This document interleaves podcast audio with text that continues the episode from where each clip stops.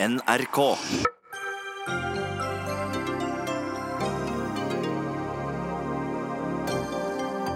Lederne i Venstre må bli mer interessert i eget parti og mindre opptatt av seg selv, sier den tidligere nestlederen Olav Thommessen. Regjeringen vil dele ut 270 millioner til folk med bostøtte for at strømregningene kan betales. Ingen god høyrepolitikk, sier økonom i Cevita. Organisasjonen med Israel for fred lykkes med svertekampanjen mot Operasjon Dagsverk. Trist å juble for at færre palestinske ungdommer får traumebehandling, sier kristne ungdomsorganisasjoner. Regjeringens nye lovforslag om boligsalg øker konfliktnivået mellom kjøper og selger, hevder boligselgere. Snarere tvert imot, svarer Justisdepartementet. Og skolerevy fikk terningkast én av Aftenpostens anmelder. Avisen må bruke hodet når barn og unge skal vurderes, mener skolens rektor.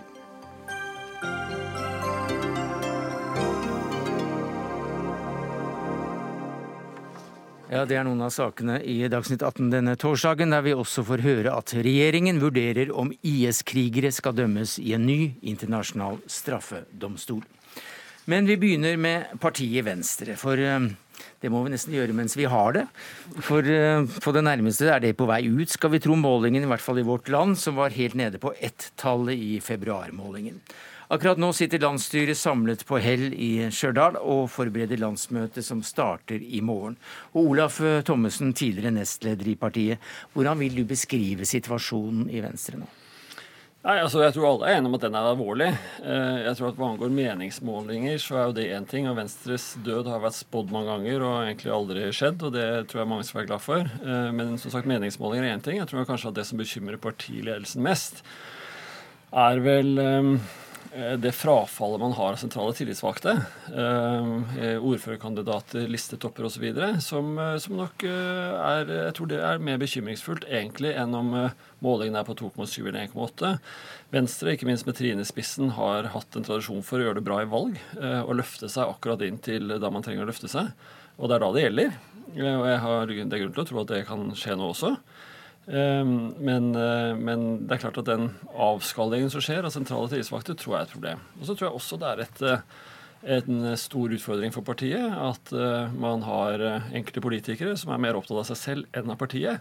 Det tror jeg ikke det er tiden inne for nå. Nå tror jeg tiden er inne for partiet nå i helgen å samle seg, ta en samling i bånn og, og liksom redusere antall soloutspill og, og prøve å eh, samle seg neste, mot neste valg. Ja, Når du sier soloutspill og mer opptatt av seg selv, eh, når du snakker om ledere i Venstre, hvem er det du snakker om da?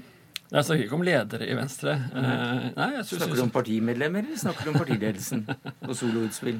Nei, jeg tror eh, Jeg syns jo det er uheldig eh, med, med, sentrale stortingspolitikere, og det er klart jeg, tenker kanskje spesielt på Abid Raja, eh, som er mer opptatt av å virke det som, profilere seg selv, enn å på en måte eh, sette partiet foran. Eh, og det tror jeg er dårlig timing for det nå. Jeg tror tiden er inne for å Eh, ja, som sagt, eh, sette partiet foran seg selv eh, og samle seg. Og, og, jobbe hardt for å på en måte prøve å komme i mål til neste valg. Og Det sier du kanskje av egen erfaring, for du selv ble jo lansert som motkandidat mot lederen Lars Bonheim da du var nestleder. Ja, men vi gjorde da det jeg nå sier. At vi i, på den bakgrunn så samlet vi oss øh, og ble enige om en fordeling rundt det. Og, øh, og, så var det jo mye støy rundt det øh, frem og tilbake i noen år. Men det var nok ikke en sånn øh, Jeg syns det er vanskelig å sammenligne det med dagens situasjon, for å si det kort. Ja, hvorfor det? Nå kjenner jeg jo ikke dagens situasjon fra innsiden uh, så godt, så jeg sender jo den bare fra, som en avisleser. Mm. Uh, men den andre situasjonen kjenner jeg veldig godt fra innsiden. Uh, og sånn sett så blir det liksom litt ulike parametere å sammenligne ut fra. Men det var ikke noen pikeskole, det heller? Nei, men det er jo ikke politikken. Nei, men det er jo ikke politikken. Altså, hvis man vil ha en venn, så bør man kjøpe seg en hund, er det noen som har sagt. Og det tror jeg er et poeng her. Har du hund? Jeg har hatt hund i mange år. Du, I din tid i ledelsen så valgte dere å nekte å støtte uh, noen regjering der Frp var med. Og nå sitter Venstre i regjering med nettopp uh, Fremskrittspartiet. Uh, er det noe av forklaringen for at de tross alt da gjør det såpass dårlig på meningsmålingene at de faktisk ser ett-tallet? Jeg er usikker på om det nødvendigvis har noe med Frp å gjøre. Jeg tror at uh, Hvis du ser på politikken som føres, så tror jeg Venstre har fått veldig stort gjennomslag, spesielt på kostnad av Frp. Eh, det jeg vel kanskje tror mest, er at vi har et landskap i Norge der eh, man blir tvunget til å velge, i den forstand at både Kristelig Folkeparti og Venstre har gått til høyrefløyen, og Senterpartiet har gått til eh, venstrefløyen, mens folk flest egentlig er i midten. Folk flest mener jo at man skal ivareta flyktninger, men man kan ikke ta imot alle. Folk flest skjønner at det er fint med ulver, men man kan ikke ha overalt. Folk flest skjønner at man leve, må leve av olje, men må ikke bare, man må også ta vare på klimaet osv. Der ligger folk flest. Eh, og der tror jeg det åpner seg et rom som Venstre burde kanskje vurdere å ta. Eh, som et mer tydelig sentrumsparti, kanskje. Eh, for der er det faktisk ingen i dag. Men i dag så er du leder av Bedriftsforbundet, men omtaler deg altså fortsatt som en som en som er svært glad i, i, Venstre. Og det du sier nå om at Venstre bør legge seg eh, i det rommet Men det rommet betyr jo da at man ikke kan sitte i regjering, da? Ja, Det er jo også en vurdering som, som de får ta. Eh, men det er jo, jo, men nå sitter jo du her som åttende far i huset. ja, det er en veldig morsom situasjon å være i, faktisk. Uh, nei, den vurderingen får de for så vidt ta, for det blir litt mer kortsiktig taktikk å tenke på det. For det er to år til valget osv. Så, videre, så dette må man på en måte Det blir for komplisert å, å ta noe sånn synsing om de skal sitte i regjering eller ikke. Men på litt overordnet nivå så tror jeg det åpner seg et, et sted i midten som Venstre da fjerner seg litt fra. Eh, som jeg tror de kanskje vil ha glede av å utforske mer. Um, og så, så, så, tror jeg at det vil være formålstjenlig å, å, å samle seg. Eh, være mindre opptatt av personkonflikter. Kanskje også være mindre opptatt av litt sånne tabloide politiske konflikter. Eh, kanskje til og med prøve å være voksenstemmen i en politisk debatt som av og til tar litt av. Eh, det tror jeg faktisk det norske folk og velgerne ville satt pris på. En slags Christian Michelsen som uh Nettopp. Glad du nevnte Christian Michelsen som eh, Gammel venstremann. Gammel venstrestatsminister som eh, sant, da han fikk en uh, telegram fra Bjørnsen i Bjørnson som sa nå gjelder det å holde sammen, så svarte Christian Michelsen nå gjelder det å holde kjeft. Det tror jeg kanskje man skulle tenke litt på nå, og kanskje på begge deler. Den historien er visst ikke sann, men er veldig god. Den er like god likevel. men Eh, Skine, eh, Trine Skei Grande gir jo også faktisk eh, din, din, støtte, selv om hun blir kraftig kritisert. Hvorfor? Jeg tror problemstillingen er langt mer komplisert enn Trine Skei Grande som partileder, ikke partileder. Jo, men nå snakker vi om henne. Ja, og jeg svarer også på det. Nei, du svarer med at det er mer komplisert enn bare henne, men hva med henne? Trine har gjort en kjempejobb med å bygge et stort parti. Altså bygge en partiorganisasjon, og derfor står hun også veldig sterkt internt. Eh, hun har også vist at hun eh, løfter eh, partiet opp mot valg på å si gang på gang. Men jeg tror også at man vil ha glede av å se nærmere på en del av politikerne rundt henne, som kanskje kunne profilert seg mer. Og noen som kanskje kunne profilert seg mindre. Vi nevner ingen nå? Nei, ja, vi har allerede gjort det. Eh, og, og, og, og, på en måte fått frem i større grad f.eks. klimapolitikken, eh, Venstres klimapolitikk, og de seierne de har i regjeringen, tror jeg de vil ha glede av å profilere i enda større grad. Eh, eh Venstre har, har, tradisjonelt vært et miljø- og klimaparti. Det tror jeg kanskje man eh, i, mister litt av syne per i dag. Men de har jo ministeren. Ja. Og allikevel? Ja, det, da får han vise seg litt mer frem, da. Eh, en partileder som, som, du da mener gjør en god jobb eh, og, og virker samlende, det er altså partilederen som, som kaller egne partifeller for eh, han homoen eller distriktspsykopaten og beskylder nestlederen for å være ute etter henne. Det er ikke veldig samlende?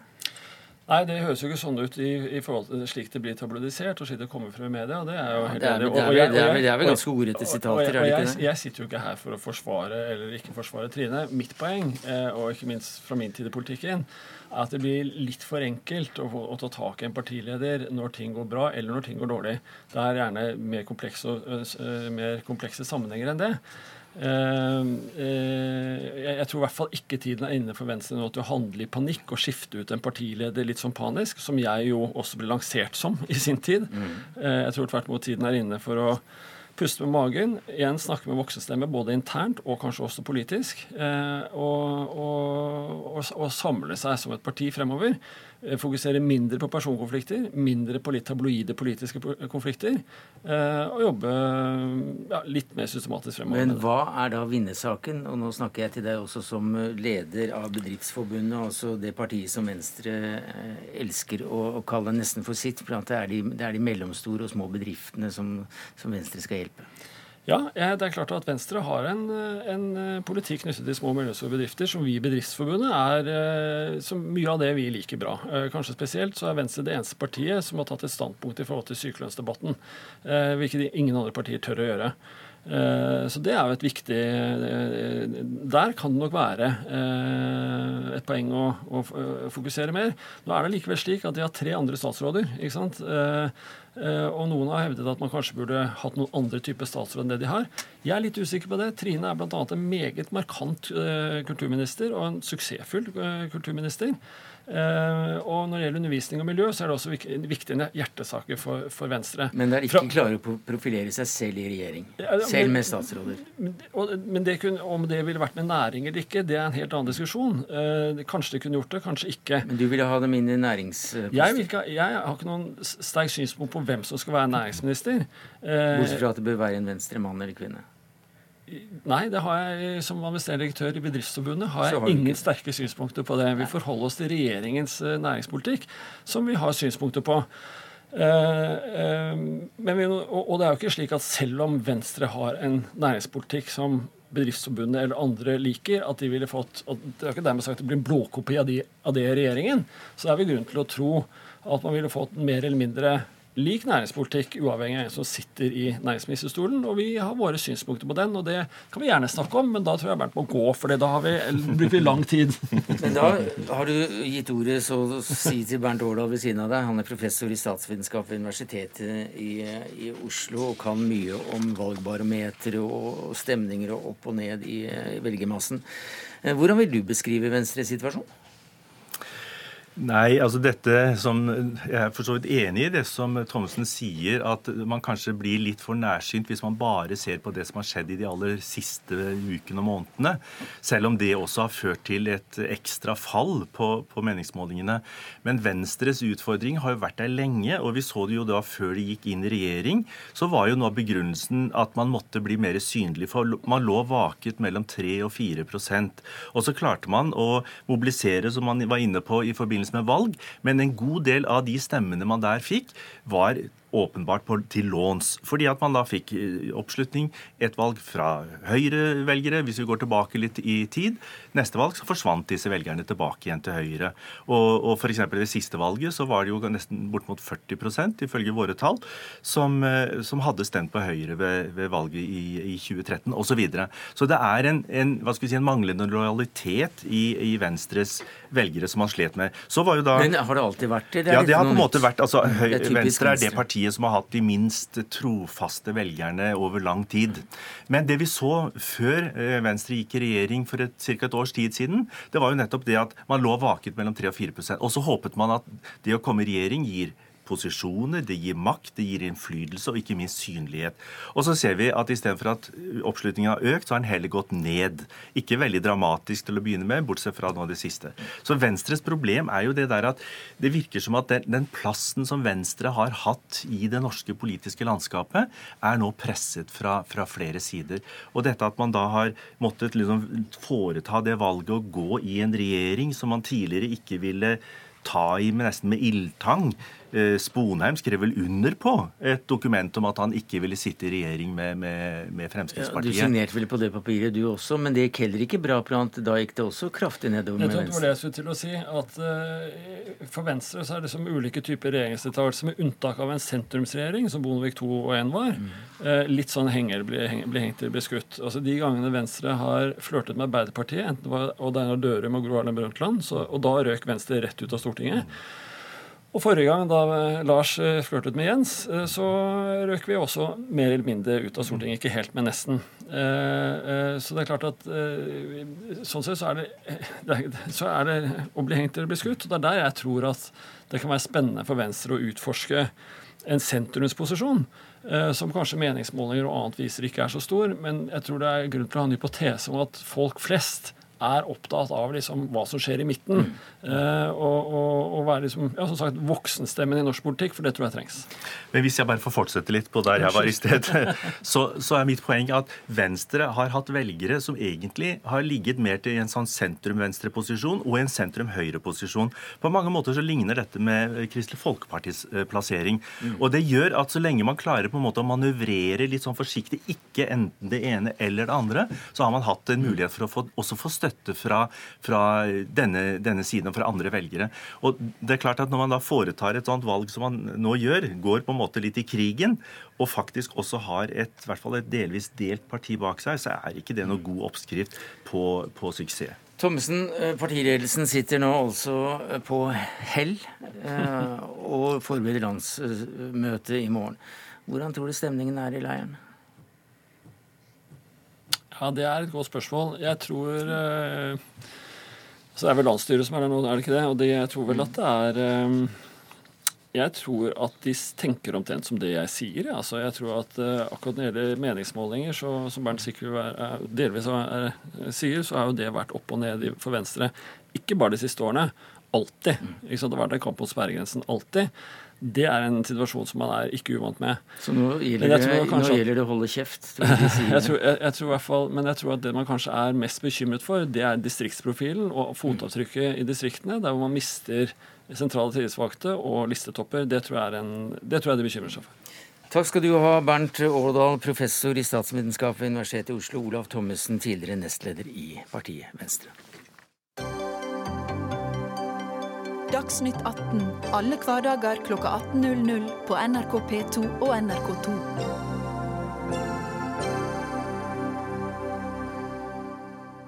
Politikk. For regjeringen la i dag fram flere tiltak for å redusere forskjellene her i landet.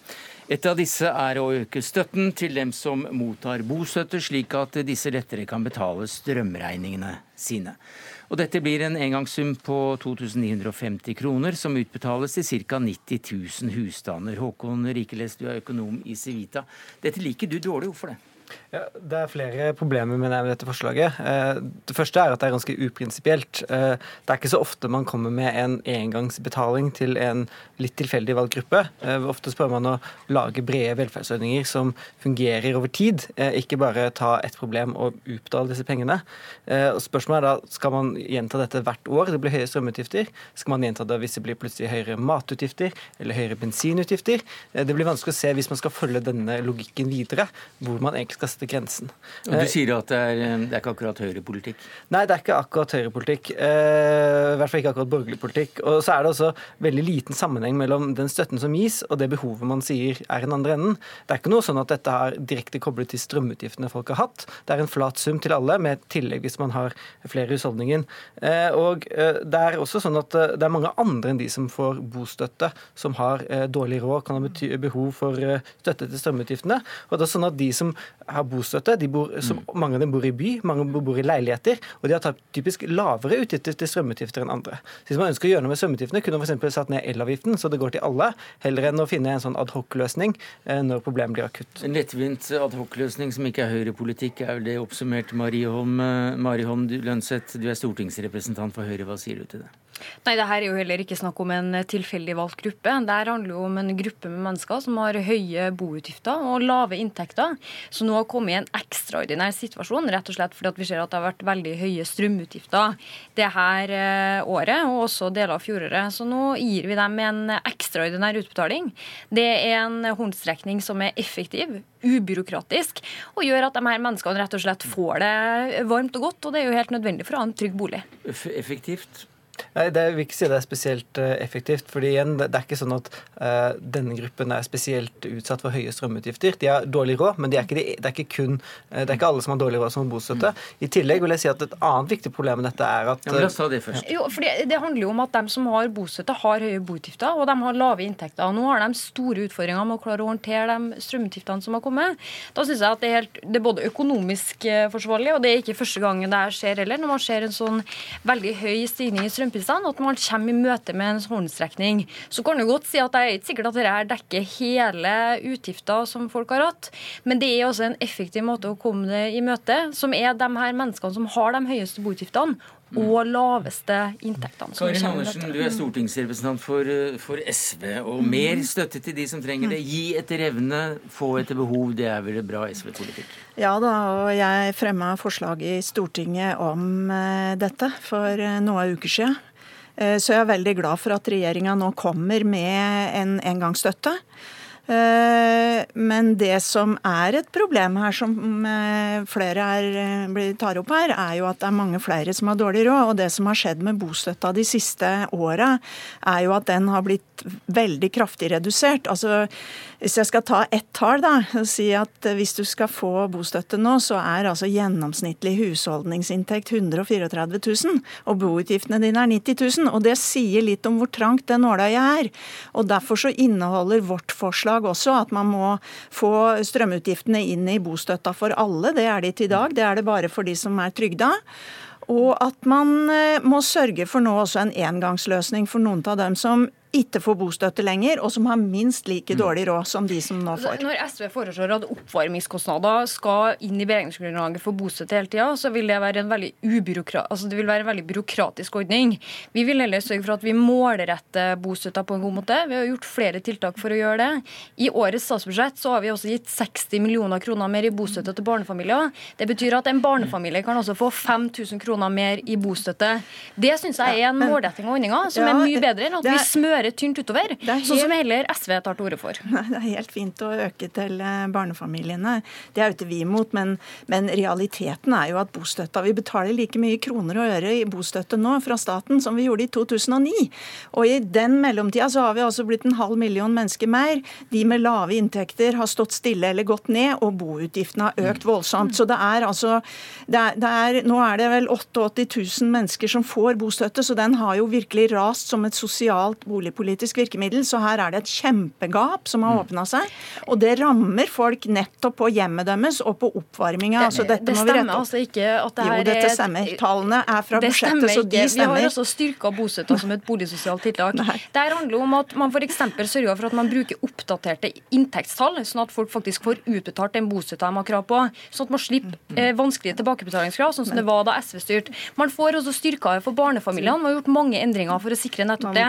Dette handler om at man velger å prioritere dem som trenger det mest. Dem som mm. får bostøtte, de får mer med Høyre i regjering enn hva de Nei, gjorde dette, med SV i regjering. Dette er jo, dette kan man, jeg må, jeg må få svare på dette, fordi tallene, tallene har jeg tatt fra statsbudsjettet. De er helt klare. Vi bruker omtrent like mye nå som vi gjorde for ti år siden. Og de som får, får, de som får, får mindre av sine boutgifter. De får mer i kroner, men de får dekt mindre av utgiftene sine, og det er det som er problemet. Nå må vi slippe til Håkon Riknes. Ja, jeg synes dette er en litt sånn talende debatt, for det ingen har nevnt, er at bostøtten kanskje er en av de ordningene som er dårligst tilpasset arbeidslinjen av det vi har, eh, fordi der er ganske rask og uforutsigbar eh, fall i utbetalingene når man får økt arbeidsinntekt. Eh, og det å ha en ordning hvor man legger på tilfeldig støtte ved tilfeldige utgifter på toppen av det, kan, hvis det blir gjentatt mange ganger, forverre arbeidsinneffekten av bostøtten. Så jeg syns man egentlig heller enn å forsterke bostøtten, burde se på mer generelle velferdsordninger som er bedre tilpasset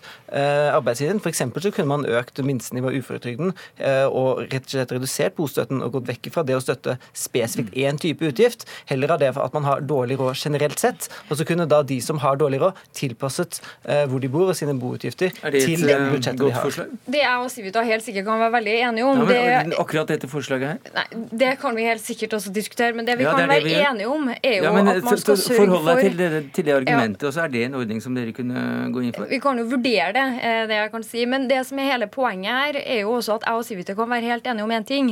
Og det er det at vi må sikre at flere ikke har behov for bostøtte, rett og slett for at de klarer seg sjøl.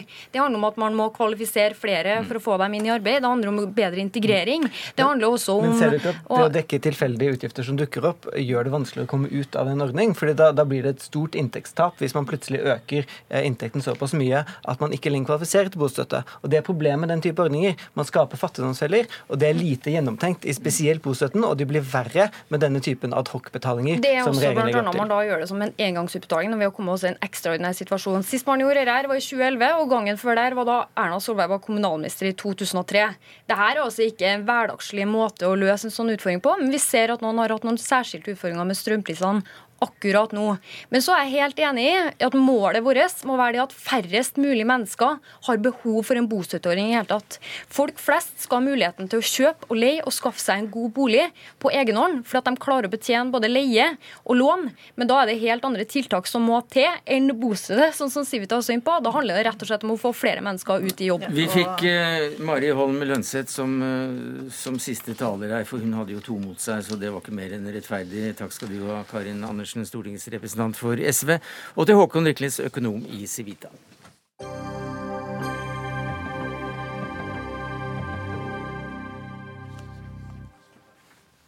Sverige foreslår at det opprettes en internasjonal domstol for IS-krigere. Og I dag har justis- og innvandringsminister Tor Mikkel Wara her hjemme sagt at ja, dette skal også Norge vurdere. Sofie Høgestøl, du er universitetslektor i rettsvitenskap ved Universitetet i Oslo. Og du har nylig skrevet en doktorgrad om internasjonale straffedomstoler. Og Hvordan ser man for seg en, eh, en slik domstol skal fungere? Det vet vi ikke ennå. Det vi vet er at Sverige har foreslått um, nå å, å, stifte og lage en sånn domstol. Det er jo flere som har tatt til orde for det før, men nå ser vi at stater begynner å komme på banen. Og Det man ønsker å gjøre, det er å lage en spesialdomstol for Syria og Irak som skal være fokusert på å straffølge IS-krigerne som har vært i den konflikten. Hvordan tenker man seg dette gjort? Hvordan kan man tenke seg ja, dette gjort? Det, det, det, det, vet vi jo ikke ennå. Men Hvordan kan du tenke deg dette gjort, hvis man følger, følger den vanlige planen for slike domstoler? Vanlig plan for domstoler er at Sikkerhetsrådet kommer på banen på et eller annet tidspunkt. For det er de som pleier å opprette disse domstolene. Det er de som har opprettet direkte opprettet Jugoslavia og Rwanda-tribunalet. Det er de som har inngått kontrakten for FN for å uh, lage de andre spesialdomstolene i Sierra Leone. For de finnes? For de finnes. Det finnes jo fem-seks sånne type domstoler som man ønsker å stifte her fra før. Så dette har vi gjort før. Og Hvordan har eh, erfaringen fra disse domstolene vært? Det er jo litt, det kanskje som er mitt budskap. at Jeg syns det er veldig viktig prinsipielt å gå inn for en sånn domstol. For det er den beste muligheten til å straffølge de som er mest ansvarlig for IS-forbrytelsene. Men faktum, og det var det jeg skrev min doktorgrad om, er at i praksis så straffeforfølger bare internasjonale straffedomstoler 1% av alle de som har vært med i konflikten. Det vil si at uh, Den internasjonale straffedomstolen i Jugoslavia de tok bare ut 166 tiltaler. De gjennomførte bare rundt om lag 100 straffesaker, og det tok 25 år.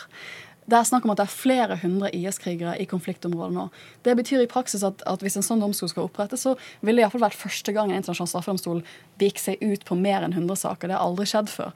Eh, og det, Vi ser jo at internasjonale straffedomstoler sliter veldig med å gjennomføre saker på en god altså det, det er sånn Effektiviteten med internasjonal strafferett er veldig lav. Så, så norske IS-krigere, f.eks.? Ja, det betyr at uh, disse domstolene de velger veldig selektivt. Og de de velger, er de som er mest ansvarlige, altså lederne for organisasjonene. Og uh, Nå får vi jo se hvilken rolle de norske fremmedkrigerne har spilt. Men med mindre de har spilt en veldig fremtredende rolle, så er det ikke sikkert at internasjonal straffedomstol ville være interessert i å akkurat velge ut de mm. og ta tiltale mot våre fremmedkrigere. Så det løser nok ikke vårt problem på sikt. Sulo Tarako, du er rådgiver i Tankesmien Agenda. Hva syns du om forslaget? Eh, jeg syns det er positivt at man eh, reiser det spørsmålet. Eh, kanskje litt sent ute med tanke på at man visste at kalifatet falt jo allerede i fjor. og man burde ha kommet langt tidligere på banen, men likevel. Internasjonale domstoler er ikke ment å stå for hele rettsoppgjøret etter en krig. De skal være komplementære, men de spiller en viktig rolle fordi de forbrytelsene som blir begått, folkemord, forbrytelser mot menneskeheten og krigsforbrytelser, er altså internasjonalt anliggende, ikke bare nasjonalt anliggende. Og de spiller også en viktig rolle med å samle dokumentasjon, Eh, skrive historie og eh, utvikle en internasjonal strafferett. Men er det ikke slik at de er gode på veldig mye, men ikke å få folk dømt? Eh, ikke så mange. Så den viktigste jobben må gjøres lokalt. Og det jeg går inn for, er at man oppretter spesialdomstoler som er spesialt laget for å straffeforfølge ISIL-terrorister, som får internasjonal støtte, men som eies av de lokale myndighetene. Hvem er dommerne her, tror du? Eh, dommerne kan være lokale, eh, men, de må få eh, både ressurser og ekspertise fra utlandet. For det som skjer nå, er at retts, rettssakene er summariske. Man bare straffer folk for deltakelse i ISIL. Man bryr seg ikke med å etterforske sakene, med å dokumentere overgrepene og straffe dem for de konkrete forbrytelsene, f.eks. For, for massevoldtekter. Det holder bare å stadfeste at man har deltatt i ISIL, og så blir man straffet. Ja, altså Det er svakheten med, med, med en sånn løsning. For det, at, um, det blir vanskelig Hvis vi skal hente norske fremkringer hjem, så blir det nok vanskelig for oss i første omgang, kanskje på sikt, men i første omgang å dokumentere de konkrete krigsforbrytelsene som disse personene har begått. Så det vi har gjort, er at vi har straffet dem for deltakelse. Og det er nok derfor Sverige nå kommer på bane og ønsker en internasjonal straffedomstol. For at Sverige de har vært sene ute med å endre terrorlovene sine. Så de har ikke kriminalisert det å delta i en terrororganisasjon. Og, og, og det men det har Norge? Det har Norge, og det gjorde vi for mange år siden. Det er, veldig, det er nok synd, det er derfor Sverige de har nok ikke samme mulighet som vi har for å ta det hjem og straffefølge svenske fremmedkrigere. Og der er forskjellen mellom Sverige og Norge ganske stor. Og Det betyr at hvis man kommer tilbake til Sverige etter å ha begått forbrytelser i Irak eller Syria, så er sjansen stor for at man går fri. Og, da, eh, og Vi har et ansvar for å bekjempe straffrihet, og det ansvaret kan ikke på en måte Sverige følge opp pga. at de ikke har eh, god nok terrorlovgivning. Men heller ikke i Norge blir det godt nok, fordi Eh, det vi bruker mot dem, eh, vil være bare deltakelse i ISIL. Og eh, Ofrene ønsker jo at deres lidelser og deres tap blir anerkjent, dokumentert, og de ønsker også å se sine overgripere straffet der de er. Men er ikke erfaringen at dette for det første blir fryktelig, fryktelig, kanskje ikke for, for det første, men i hvert fall så blir det fryktelig dyrt? Absolutt. Altså... Eh, og, og, ikke så effektivt, eh, som du sa, og, og kanskje straffer man slett ikke de, de, største forbryterne heller? Ja, jeg tror at den arbeidsfordelingen den går tilbake til andre verdenskrig. For det man gjorde etter andre verdenskrig, var at man tok ut de 24 mest ansvarlige, the major war criminals, og prøvde de internasjonalt i Nuremberg. Og så gjorde man lokale straffeoppgjør. Det var det vi gjorde i Norge. Vi hadde vår eget straffeoppgjør nasjonalt i Norge. Så den arbeidsfordelingen har vært der lenge. Og det er fordi at disse sakene tar lang tid internasjonalt, og de koster veldig mye penger. Eh, de som har regnet på det, mener at uh, hver eneste sak som har vært foran Jugoslavia-domstolen, har kostet mellom 10 til 15 eh, millioner dollar. Dollar? Dollar. Så det gir et, per, det, per, dømte? Per, per, dømte. Så det gir et Hvis vi snakker om 800 personer, i, så det gir et litt kostnadsanslag. Og det har tatt 25 år. Men husk at uh, man har dømt presidenter, generaler, og, og det har vært veldig viktig uh, for, uh, for ofrene også.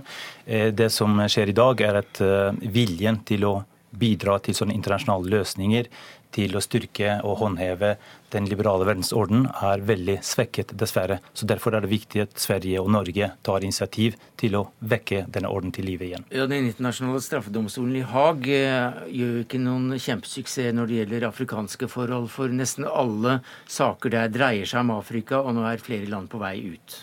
Ja, Den domstolen er i reell krise nå, ikke minst fordi at de har knapt fått dømt feltfolk mm. i den perioden de har vært opprettet. Og ICC har jo heller ikke myndighet til å gå inn i Syria-konflikten. Jeg tror det som er viktigst her, som du sier, det er å få de store statene på banen. Det er å få USA på banen, det er å få Russland på banen, det er å få Sikkerhetsrådet på banen. Og Norge vil jo inn i... Er det i det hele tatt realistisk håp om det, så lenge de er Jeg vet ikke, men Norge vil jo inn i Sikkerhetsrådet, så dette kan være en mulighet for Norge å vise litt internasjonalt lederskap. Vi får se hva som skjer når eh, eventuelt Norge kommer inn i Sikkerhetsrådet. Takk skal du ha, Sofie Høgestøl, universitetslektor i rettsvitenskap ved Universitetet i Oslo, og Tisulo Taroko, rådgiver ved tankesmien Agenda.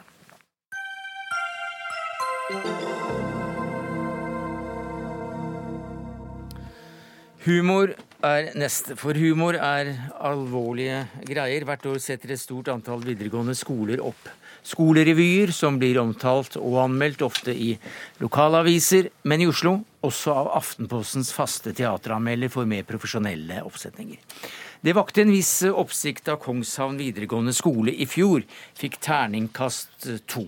Eh, og i år så gikk det altså enda verre. Terningkast stoppet, eller terningen stoppet å rulle på, på ett-tallet for et eh, ubehagelig, fordomsfullt humørkollaps av en forestilling, ifølge Aftenposten. Og denne slakten den reagerer du på som, eh, som skolens eh, rektor, Knut Jørgen Kopperud. Hvorfor det?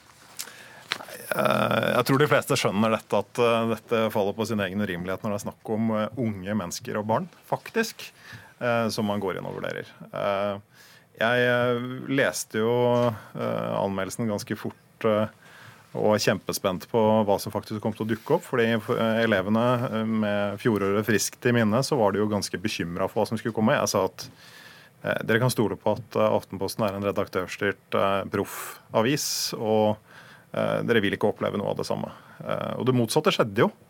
de brukte Og det ble enda verre? Ja, det ble enda verre. de tok det jo, Elevene tok det jo på en fantastisk måte.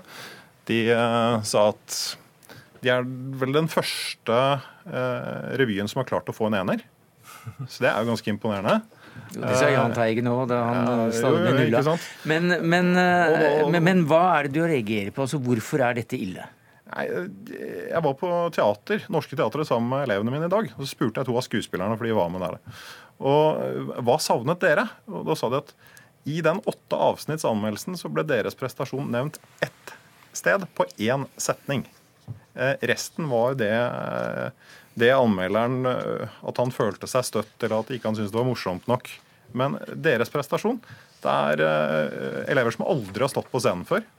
Lært fantastisk mye i løpet av noen korte måneder. Det er utrolig morsomt å følge dem. Kan ikke fortelle hele historien bak dem, men kjempestolt av det.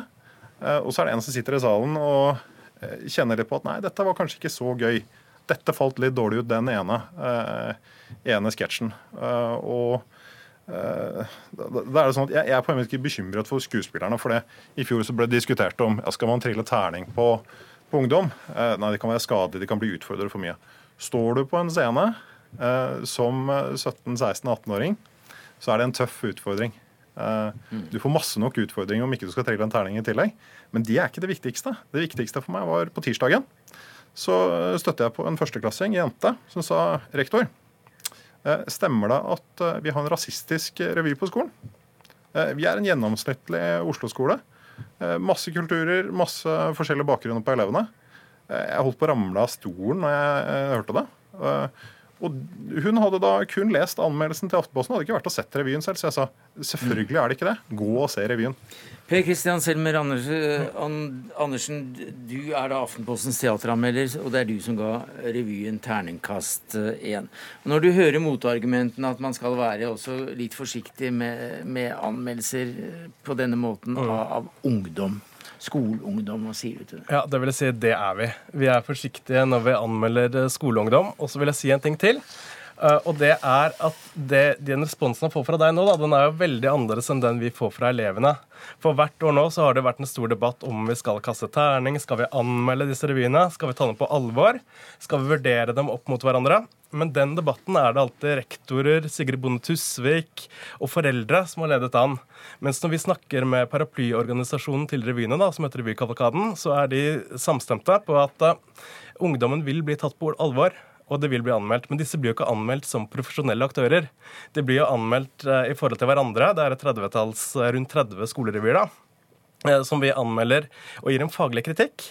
Eh, Hvor vi på en forsiktig måte, Det er derfor jeg ikke går inn på skuespillerprestasjoner. Vi nevner ikke navn Forsiktig enkelte. kritikk, altså fordomsfullt humorkollaps. Terningkast én, det er det forsiktig? Nei. Nei, det er ikke forsiktig. Men jeg, det jeg gjør i den anmeldelsen, er at jeg går løs på bl.a. en sketsj. da. Ja, Og jeg kan, kan ikke ta hele den. Nei, men Han sier at det er er feil, at den er rasistisk. Så jeg har lyst til å høre, og, og du skriver jo i den motanmeldelsen uh, at det er vi som har misforstått. Og det kan jo godt hende. For det hender jo at vi anmeldere misforstår. Men så er, var det da spesielt en sketsj jeg reagerte veldig på. da, uh, Hvor det var uh, en abort, eller en baby, som ble født. Det var litt uklart i revyen. Hvor det kommer ut en svart baby, og så sier man vi skal drive med fødsel og ikke gjødsel. Og da lurte jeg på om rektor kanskje kan forklare meg hva er det som er morsomt med den setningen? At en svart baby er gjødsel? Det, det tror jeg ikke trenger å forklare deg i det hele tatt. Jeg vet ikke om du syns det er morsomt. Jeg syns ikke det er spesielt morsomt heller. Men, selv om det ikke er morsomt, så er det ikke rasistisk. Det er 16-17-18-åringer. Det må kunne være mulig å eh, faktisk klare å vurdere helheten her, og ikke sitte igjen på én liten sak og si at det du trodde kanskje var en medelev foran som fniste litt, og det som var en du trodde var en eller annen bak som sa at dette syns jeg var ekkelt. Det er ting som jeg syns er ubehagelig i revyen også. Selvfølgelig er det det. Men, det, men det, handler, det handler ikke om det. Eh, Det, det handler om hva jeg opplever som eh, noe som jeg syns grenser til bøllete oppførsel fra deg som voksen og som en anmelder. Eh, Og det, og det tenker jeg at eh, når folk eh, kommer inn utenfra og opptrer på den måten overfor mine elever, eh, så kommer jeg til å gå det i forsvaret. Og så tenker jeg at dette handler også om andre. Eh, Dere gjorde det samme i Nesbø. Bølle. Ja, eh, det, Vi forsøker selvfølgelig ikke å være bøllete, da. Og det vi prøver å gjøre, er jo en faglig kritikk. Og det å gå løs på én sketsj. Og det er ikke bare denne sketsjen, men hver eneste sketsj i denne revyen opplever jeg enten gå løs på ja, homofile, på folk som er tjukke, tråkke på muslimer. Og det er greit, for det skal revyer gjøre. Og revyer skal eh, Og jeg tror ikke at de som står på scenen er rasister. Selvfølgelig ikke. Og revyer skal jo pushe grenser, og de beste revyene de gjør det. Men akkurat med Kongsland-revyen så syns ikke jeg at jeg lykkes med det. Og dette er ikke bare 16-17-åringer. Disse revyene leier inn profesjonelle instruktører som du betaler veldig mye penger, da. Og det gjør de fleste revyene.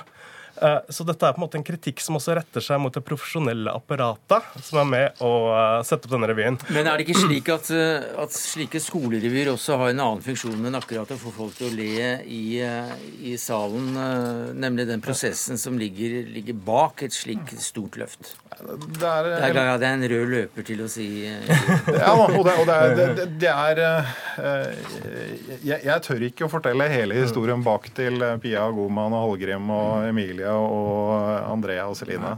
De, de, de, har vokst utrolig mye. Mm. Jeg har møtt dem hver tirsdag eh, fra tidlig høst hvor de har stått og øvd og vokst og vokst. og vokst. De, noen av dem turte ikke å stå på scenen før. Og så, eh, og så tenker jeg at det blir ikke borte, man blir ikke knust av å få en anmelder som kommer inn utenfra. De har sagt at, uh, gått ut med utfordringen og sagt at alle mm. kan komme og se revyen. De får tilbake pengene hvis de mener at det er en ener som er så kult, altså. Det er så ja. kult. Og det er ikke én som har fått tilbake pengene sine. Jeg må nesten avbryte dere her i studio, for vi har en som sitter i Namsos og har hørt på denne debatten, og det er deg, Hanne Vilja Sagmo. Du er daglig leder av Norsk Revy på Høylandet, også et kraftsenter da når det gjelder Norsk Revy. Eh, følger dette tett. Eh, hva sier du til denne debatten? Jeg tenker at Debatten er veldig viktig å ta, eh, fordi at skolerevyer blomstrer som aldri før. og Det spilles skolerevyer ikke bare i Oslo, som veldig mange tror, men det spilles over hele landet. Og Skolerevyene er i veldig utvikling, ikke minst også takket være Aftenposten, som har løfta opp og fram gjennom gode anmeldelser. Men så har vi dette fenomenet terningkast, som eh, jeg hører alle elevene vil ha, og det tror jeg faktisk også er riktig, som Aftenposten sier her. Men samtidig så er det ingen som vil ha ener og toere. Og det er da at det, det, blir så enorme konsekvenser for de revyene som får de her lave terningkastene. Ja, hvordan, forhold hva slags, til omdømme, ja, nettopp, Hva slags konsekvenser da? Ja, Det ene er jo selvfølgelig skuespillerne som har jobba månedsvis og kanskje står på scenen for første gang og får slakt. Eh, det Styrken med skolerevyen er jo på en måte at det her skal være ungdom sin arena. Sparke oppover, eh, speile sin samtid. Og det er klart at Hvis de får ener og toer på det, så går det utover kanskje identitet og omdømme, og ikke også minst selvfølelse sjølfølelse og trygghet på å stå på scenen igjen seinere. Men eh, også at det får en økonomisk konsekvens, fordi at skolerevyene er en dyr affære. Jaha, Hvordan får det konsekvenser for hver enkelt? Jo, fordi at eh, en ener, en toer, kanskje en ener, sånn som Kongshamn Kongshavn opererer, eller erfarer akkurat nå, da, gir dem en styrke at folk skal ut og se er det virkelig så dårlig som Aftenposten sier. Men samtidig så har vi det at eh, en treer og en firer ofte fører til lave publikumstall. Og de her skolerevyene er veldig dyre. De har blitt veldig sånn konkurranse om å vinne de her sekserne. Og da betyr det at de leier inn veldig dyre instruktører. Og, hva slags tall er det vi, dag, da, er det vi snakker om? Jeg hører enkelte betale i nesten 200 000 for en instruktør, og det er jo skyhøye summer også i den profesjonelle verden. Altså for Hvis vi sammenligner med spel og lokalrevy, så er det skyhøye tall. Og hele budsjettet kan komme opp i en 600 000-800 000. Og det er klart at det her er det 16-17-18-åringer som står og er økonomisk ansvarlig for. Hvis publikum da uteblir, hva skjer da med økonomien i hele prosjektet? Og hvem er da ansvarlig for underskuddet? Er det derfor du sier at er det derfor du sier at man faktisk kan kjøpe seg til en terningkast seks? Ja, nesten. Det er litt sånn hard påstand. Men eh, jeg har hørt ungdommer si det sjøl, at eh, de beste regissørene som du betaler mest for, de kan nesten garantere deg en sekser. Og Det handler om et fåtall av Oslo-skolene, selvfølgelig. Men eh, det er jo ikke noe heldig utvikling. for Det spennende med skolerevyen er jo akkurat prosessen og det at de speiler sin samtid.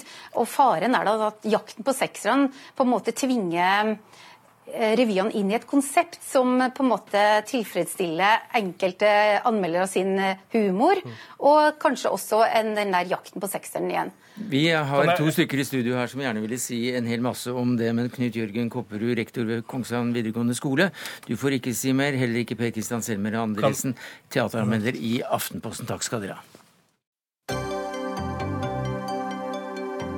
Hør Dagsnytt 18 når du vil. Radio NRK Radio.nrk.no.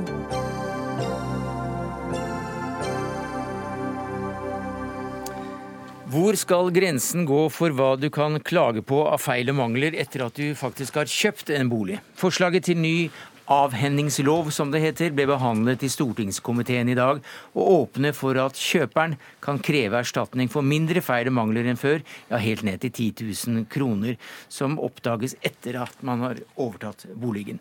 Og dette liker ikke dere i Norske Boligbyggelags Landsforbund, og du er direktør der for interessepolitikk og jus, Henning Lauritzen. Hvorfor ikke? Nei, Vi har jo over en million medlemmer i boligbyggelagene, som både er kjøpere og selgere. Og det er tre ting ved forslaget vi ikke liker.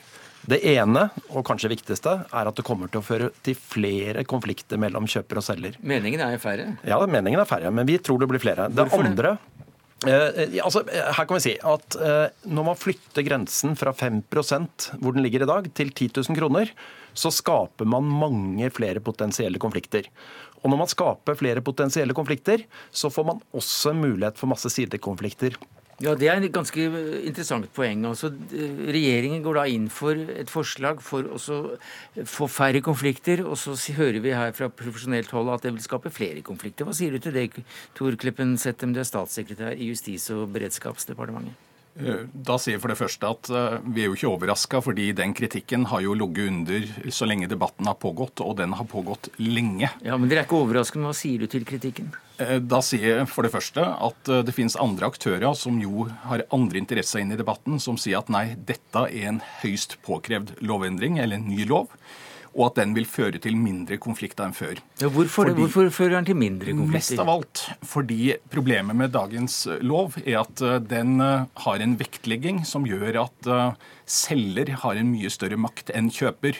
Eh, selger har en helt annen mulighet for innsikt i boligen som skal selges. Har en helt annen mulighet til å hente inn profesjonell hjelp når salget skal foregå. Kjøpere har et helt annet, helt annet nivå av kunnskap og innsikt i, i boligen. Og Det vi nå gjør, er altså gjennom denne loven å øke kravene øke kravene til hvilken kartlegging som skal skje av boligen, hvilke krav som mm. skal stilles til selger om faktisk å få på plass kunnskap om boligen, og på den måten styrke kjøpers rettigheter. Og Dermed tar vi også ned konfliktnivået. Det er idealet.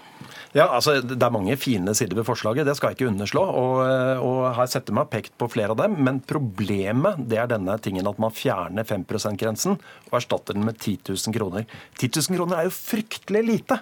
Altså Gjennomsnittsboligen i Norge koster flere millioner kroner. Og det betyr jo at noen riper i parketten et hakk i en dør, det kan føre til en konflikt i fremtiden. Det er altfor lite. Mm kan føre til en konflikt, sier du.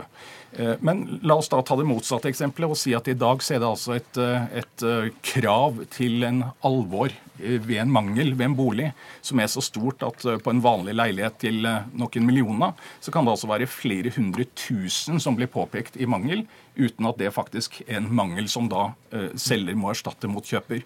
Og Det kan vi heller ikke leve med. og Det er derfor det er så viktig at vi nå styrker kjøpers rettigheter opp mot selger. Men det er ikke noe argument fra å gå fra én ytterlighet til en annen ytterlighet. Altså Man kunne lett etter et forslag som lå i midtområdet, hvor man ivaretok både kjøpers og selgers interesse. Og for oss som representerer begge, så vil vi ha en blanding.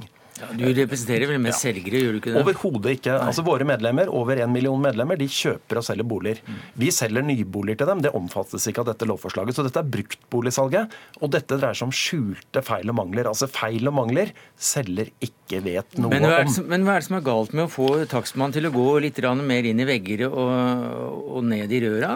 Nei, vi vil, vi vil at takstmennene skal gjøre en bedre jobb enn i dag. Og der, der syns vi at regjeringen har kommet med veldig gode forslag på dette området området. Ja, og Da presser du vel takstmannen til å gå dypere inn i materien med å senke, ja. senke, ambisjonene? Ja, og det er helt riktig. Men en takstmann vil ikke kunne oppdage alt. Altså Man må plukke fra hverandre bygget for å komme inn i alle deler av bygget. Er det snø på taket, så får du ikke undersøkt taket fullt ut. Og det er åpenbart at når du kjøper en bolig, så må du ta utgangspunkt i alder og andre forhold rundt boligen. Du kan ikke forvente at alt er perfekt.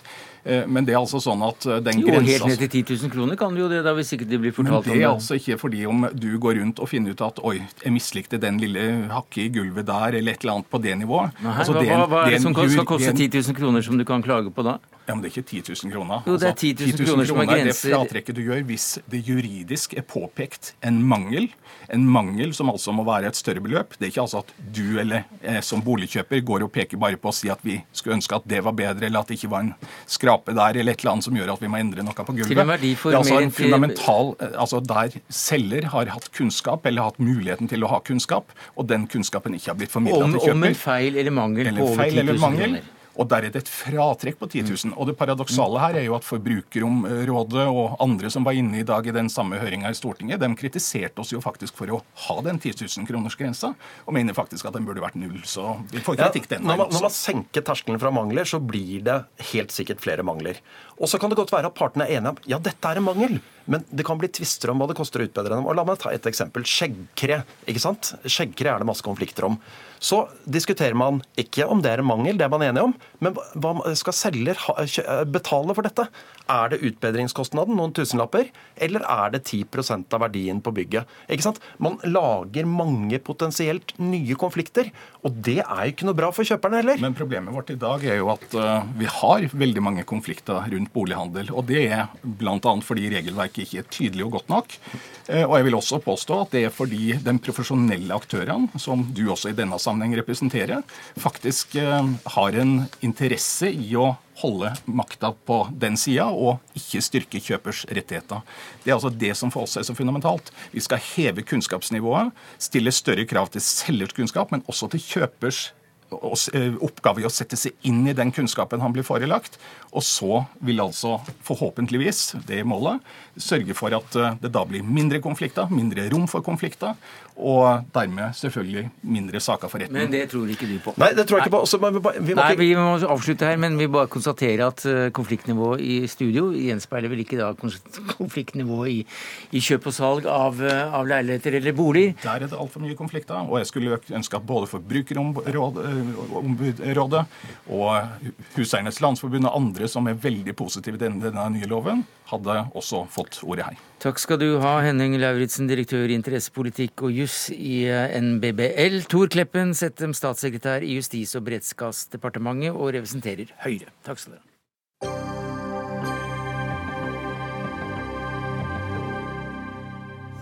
Organisasjonen med Israel for fred, også kalt eh, MIF, lagde i fjor en kampanje mot Operasjons prosjekt for ungdommer i Palestina. Via Operasjon Dagsverk så jobber ungdommer én dag eh, for å tjene inn penger, slik at ungdom andre steder i verden skal få utdanning. Det er KFUK og KFUM Global som er organisasjonen bak fjorårets prosjekt, og de mener at kampanjen bidro til at de fikk inn 3,4 millioner mindre enn året før. Det meldte avisen Dagen. Og Håvard Skjærdal, du er leder av kommunikasjonsavdelingen i KFUK og KFUM Global, og du mener at denne motkampanjen altså har, er årsaken til at dere fikk inn såpass mye mindre. Hvordan da? Altså, Jeg kan begynne med å nyansere bildet litt. Det er helt sikkert eh, sammensatte og avanserte eh, årsaker som står bak hvorfor vi har samlet inn mindre penger i år enn tidligere i år. Men det er helt klart at eh, Svertekampanjen fra Med Israel for fred, der de har spredd falsk informasjon og rykter om KFK5 Global og vårt arbeid, har bidratt til at vi har samlet inn mindre penger. Hva syns du om det?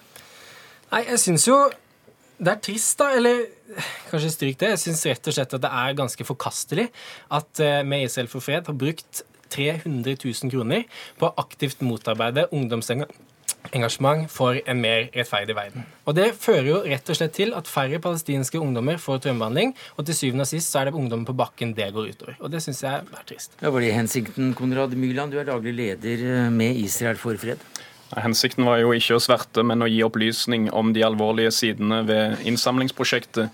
At pengene fra norske skoleelever går til organisasjoner som jobber for boikott, og som har politiske krav som vil gjøre slutt på verdens eneste jødiske stat, fordi at de kjemper for retten til å flytte syv millioner palestinere inn i Israel. Og, og I tillegg så har man det alvorlige at uh, informasjonskampanjen i de norske skolene som, som gikk forut for Operasjon Dagsverk, var jo ensidig og til dels veldig feilaktig å skape falske bilder om Israel i en ny generasjon nordmenn. Skjærdal, det var altså to typer kampanjer her, og den ene sto dere for, og den var ikke mye bedre. Eh, altså, jeg må si det, altså, det som MIF har gjort i hele denne perioden, det er å putte meninger i munnen på oss. Og Beskylde oss for å ha ekstreme politiske krav, si at vi skal jobbe for det ene og det andre, uten at det er det vi skal jobbe for. Vi har vært tydelige hele veien. Operasjon Dagsverk handla om traumebehandling av palestinsk ungdom. Det handla om likestilling, og det handla om menneskerettigheter og rettighetsopplæring. Og Hvis MIF ikke kan støtte det, gode, gode demokratitiltak for rettferdig fred i Palestina og Israel, så får det stå for deres regning. Men uh, Israel for fred lagde da en film som eh, oppfordret til boikott av, eh, av, denne aksjonen. Ja, Hadde flere annonser i store aviser ja. med det samme budskapet, og du mener altså at kampanjen de førte mot dere var basert på løgn, hvilken løgn? Ja, altså MIF må forføre de kampanjene de vil. og Men det, Hvilke det er løgner er det de, du mener at de framførte? Men det er det vi reagerer på. for Når de fremmer løgner mot oss, så er vi nødt til hvilke å Hvilke løgner? Ja, Det er bl.a.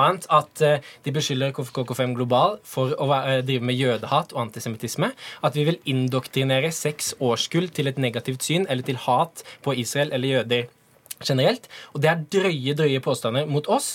Men enda drøyere at vi skal indoktrinere ungdom med disse påstandene. Det henger ikke på greip, og det er ikke rot i virkeligheten.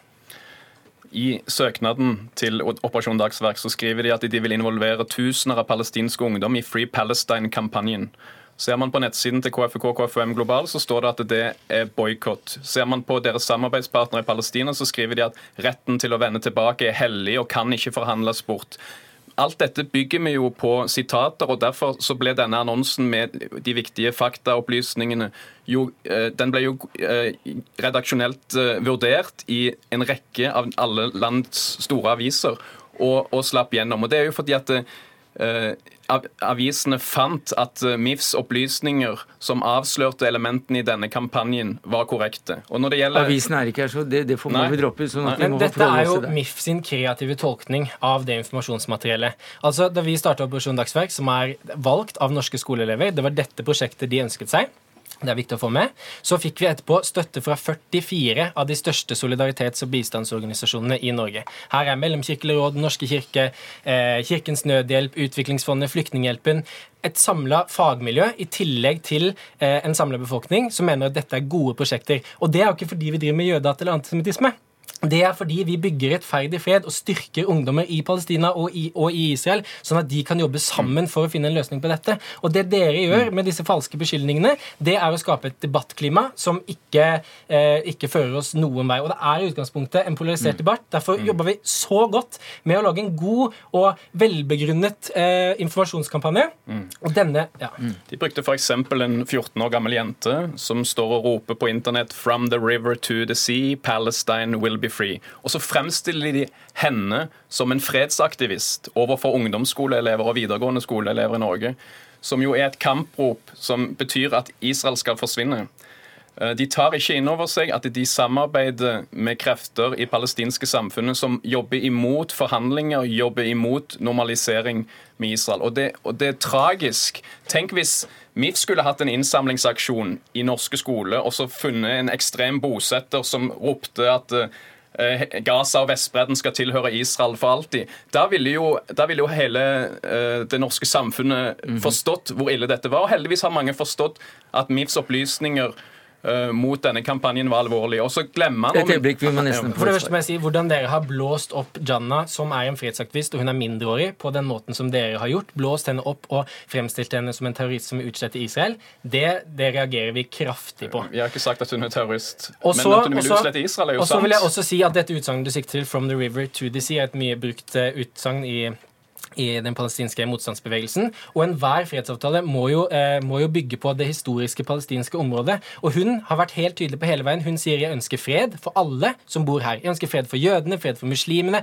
fred for alle som bor i dette området. Og jeg ønsker bare mine menneskerettigheter innfridd. Mm. Det er en 14 år, som du sier, jeg mener hun er litt yngre, en, eh, en mindreårig palestinsk jente som sier dette. Og dere har mm. blåst henne opp som et hatobjekt i Norge, og dermed truer hennes sikkerhet på den måten. Det er helt forferdelig. Kort, kort, kort til slutt. Det er ikke noe kjære programleder, det er ikke noe kjære mor heller, for nå går vi mot slutten her. Men kort til slutt, hva har dette gått mest utover? Og da må du si det på ti sekunder. Altså, Vi er strålende fornøyd med Operasjon Dagsverk. Det har vært en mobilisering uten like. Den største solidaritetsaksjonen for palestinsk ungdom vi har sett i Norge noensinne. Men det har gått utover det innsamla beløpet, og det er vi lei oss for.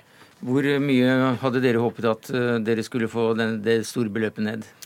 Eh, vi er jo over all forventning eh, fornøyde med at så mange reagerte og tok avstand fra aksjonen. Altså, Takk skal dere ha. Nå må vi dessverre slutte her. Håvard Skjerdal, du er leder av kommunikasjonsavdelingen i KFUK, KFUM Global. Konrad Myrland, daglig leder med Israel for fred. Det var det vi rakk denne eh, torsdagen. Ansvarlig for det hele, Jarand Ree Mikkelsen. Jeg heter Sverre Tom Rade. Vi høres igjen i morgen.